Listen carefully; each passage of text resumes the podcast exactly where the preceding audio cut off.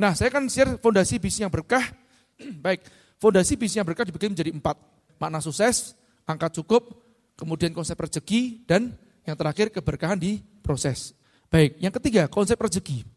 nah, saya berbicara konsep rezeki simpelnya begini. Kalau Ustaz Zaki kemarin juga memberikan pencerahan kepada kita, ya Agim juga memberikan kata-kata yang serupa. Ada sebenarnya rezeki yang dijamin, rezeki yang digantung, rezeki yang dijanjikan. Ya, Ustaz Zaki mengatakan yang serupa, yang dijamin bagi kita.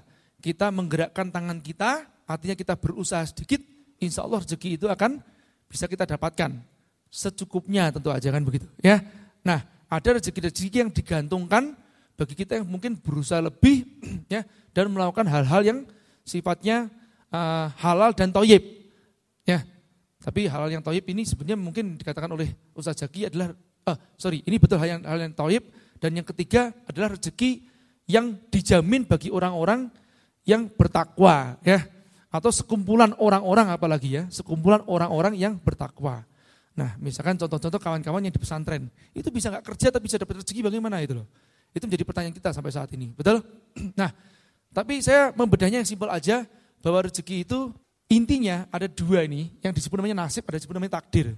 Lingkaran yang satu, lingkaran yang kecil yang kita bisa kuasai, lingkaran yang kita dikuasai.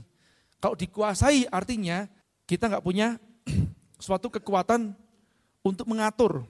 Lingkaran yang kita bisa kuasai, Anda datang kemari, adalah ikhtiar Anda untuk datang. Di tengah jalan, maaf, keserempet misalkan, keserempet motor. Itu Anda tidak e, bermimpi sebelumnya di malam hari, ya akan keserempet motor, tahu-tahu keserempet motor. Itu namanya takdir.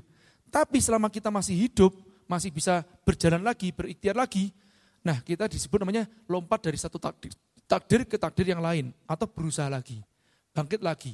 Betul? Nah, kita berusaha lagi, dan sampailah di sini. Takdir kita sampai di sini. Betul? Tapi hasil dari ikhtiar kita lebih dahulu dan kita mendapatkan takdir tersebut. Paham ya? Kita nggak pernah tahu kapan takdir itu terjadi dan apa yang akan terjadi sama kita. Tugas kita hanya berikhtiar saja. Betul? Termasuk juga pada saat kita berbicara masalah konsep yang namanya rezeki, anggap aja rezeki itu misalkan ya tidak hanya berbicara masalah kalau kesehatan ya itu rezeki, anak juga rezeki, istri juga rezeki yang solehah ya. Nah anak yang soleh, solehah itu rezeki. Tapi kita berbicara masalah uang aja deh. Ya, bicara masalah uang, harta misalkan. Rezeki yang seperti itu bagaimana konsepnya? Kalau saya menganalogikannya seperti ini aja. Pada saat ya kita berikhtiar, kita akan mendapatkan yang disebut namanya hambatan dan kemudahan. Betul? Saya menggunakan bahasa yang yang umum atau nalar Bukan bahasa yang kita nanti masih berbicara masalah goib. Apa itu bahasa goib? Ujian. Ya, ujian ataupun hukuman. Nah, karena saya tidak tahu saya sedang diuji atau sedang dihukum, jadi saya menggunakan bahasa yang yang nalar aja, yang atau yang universal. Kemudahan dan hambatan. Tapi saya yakin baik kemudahan ataupun hambatan itu adalah manifestasi rasa cinta Allah kepada saya. Ya, rasa kasih Allah kepada saya. Itu aja. Nah, Ibaratnya yang disebut namanya kemudahan itu seperti rezeki matangan. Kalau hambatan, rezeki mentahan. Kita harus mengolah dengan keilmuan, dengan mungkin tenaga lagi, dengan kesabaran lagi, dengan doa lagi, supaya mendapatkan rezeki itu. Anggap aja seperti itu. Paham ya? Ini yang saya anggap rezekinya maksudnya dalam bentuk uang misalnya itu, atau dalam bentuk harta. Oke? Nah, ini yang saya imani. Jadi misalkan pada saat saya mendapatkan hambatan, saya tidak merasa bahwa uh, oh ini bukan rezeki atau saya mendapatkan ya Allah mudahkan apa mudahkanlah rezeki saya. Saya nggak akan minta seperti itu. Kalau pas saya dapat hambatan, saya meminta berikanlah saya kekuatan. Berikanlah saya rezeki dalam bentuk pemahaman ilmu. Karena saat itu saya mendapatkan rezeki mentahan. Buat saya kadang-kadang rezeki mentahan itu bagus. Kenapa? Karena dapat ilmunya. Sehingga pada saat besok diambil lagi, kita ngerti balik ke sana lagi bagaimana? Contoh begini ya teman-teman ya. Misalkan begini. Katakanlah Gazan ini ya adalah orang yang akan saya temuin, yang saya anggap ini akan menjadi jembatan rezeki saya. Misalnya begitu. Investor lah saya, anggap seperti itu. Nah, saya di sini, saya menuju ke tempatnya Gazan. Pada saat saya ikhtiar menuju ke tempatnya Gazan, ada kemungkinan Gazan ketemu dengan saya di situ atau tidak ketemu sama saya di situ. Betul gak? Nah, bisa jadi dikarenakan oleh suatu sebab yang di luar nalar saya dan kendali saya, mungkin Gazan mungkin mengalami suatu kejadian yang membuat Gazan harus pergi ke sini. Betul? Nah, besok pada saat saya berangkat, saya melewati jalan ini, loh, saya ketemu sama Gazan. Loh, Pak Gazan ketemu di sini. Ya, itu namanya kemudahan. Betul? Bisa juga oleh suatu sebab, oleh suatu kejadian, ya, yang tentunya Allah yang menurunkan hal itu. Gazan pas mau saya temuin di sana, saya udah jalan ke situ, Gazan ternyata pergi ke sana. Itu namanya hambatan. Paham ya? Nah itu konsep rezeki yang saya pahami. ya, saya tidak akan memaksakan kepada Anda apakah seperti itu atau tidak. Hal yang sama juga pada saat ya saya berbicara masalah konsep berbagi. Ada beberapa teman-teman yang menanyakan seperti gini, Mas, sampai kok bagi ini ilmu kok buka-bukaan ya? Nah nanti apa nggak menciptakan kompetitor? Apalagi komputer di bisnis sampean itu apa buka, bukain semuanya. Ini ada satu orang anak muda yang sekarang sudah mulai tua. Dulu masih muda, dia tanya sama saya begitu kan. Dia tanya begitu ya. Ini true story. Nah, saya ingat banget ya, dia telepon seperti itu sama saya. Ya, nggak usah saya sebut orangnya siapa, insya Allah terkenal orangnya. Dan saya bilang gini, saya cuma jawab begini, ini jawabnya pas nyeplos. Jawaban saya, rezeki itu seperti peluru di medan perang.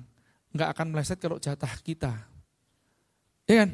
Nggak akan meleset kalau jatah kita. Dan aku yakin Allah itu maha kaya.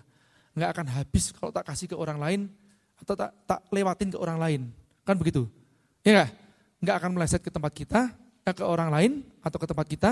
ya Kalau memang itu jatah kita atau jatahnya orang lain. Benar gak? Nah kalau kita yakin konsep rezeki, nggak usah takut berbagi. Ya, kebanyakan Anda yang nalar berlebihan dan takut berbagi, justru malah mendapatkan lebih. Tapi saya akan nalarkan masalah hal ini. Karena Anda suka nalar, saya nalarkan nih. Ya, biar insya Allah kita sama-sama iman pasca ini. nah, karena nggak ada flip chart ya, saya nalarkan pakai gerakan tangan saya. Oke, hari ini saya berbagi. Oke, berbagi yang sama. Tahu nggak konsep nalar konsep otak berpikir itu bagaimana? Otak berpikir itu melewati seperti rute. Seperti jalan rute. Misalkan saya berbagi tentang hal ini atau tentang suatu keilmuan dalam bisnis saya. Saya melewati rute begini. Oke, kalau saya berbagi lagi, saya melewati hal yang sama lagi. Saya melewati hal yang sama lagi, melewati hal yang sama lagi. Paham ya? Nah, dulu pada saat saya berbagi awal, belum terbentuk jaringan di sini. Oke? Pada saat saya berbagi terus menerus, ini saya pas sudah mengalami hal-hal di sini. Nanti sampailah saya mengalami pemahaman keilmuan sampai di sini. Dan pas saya berbagi ke sepuluh kalinya dengan pola seperti ini, saya di ujung situ saya menemukan ternyata ada jembatan dari apa yang saya pahami terakhir dengan apa yang saya bagi terakhir. Atau saya bagi berulang-ulang. Yang dulu nggak pernah kepikiran. Paham ya? Jembatan ini bisa jadi adalah mungkin harta karun kita. Wah, bukan harta karun ya. Kalau korun itu nggak baik ya. ya. harta terpen, terpendam ya.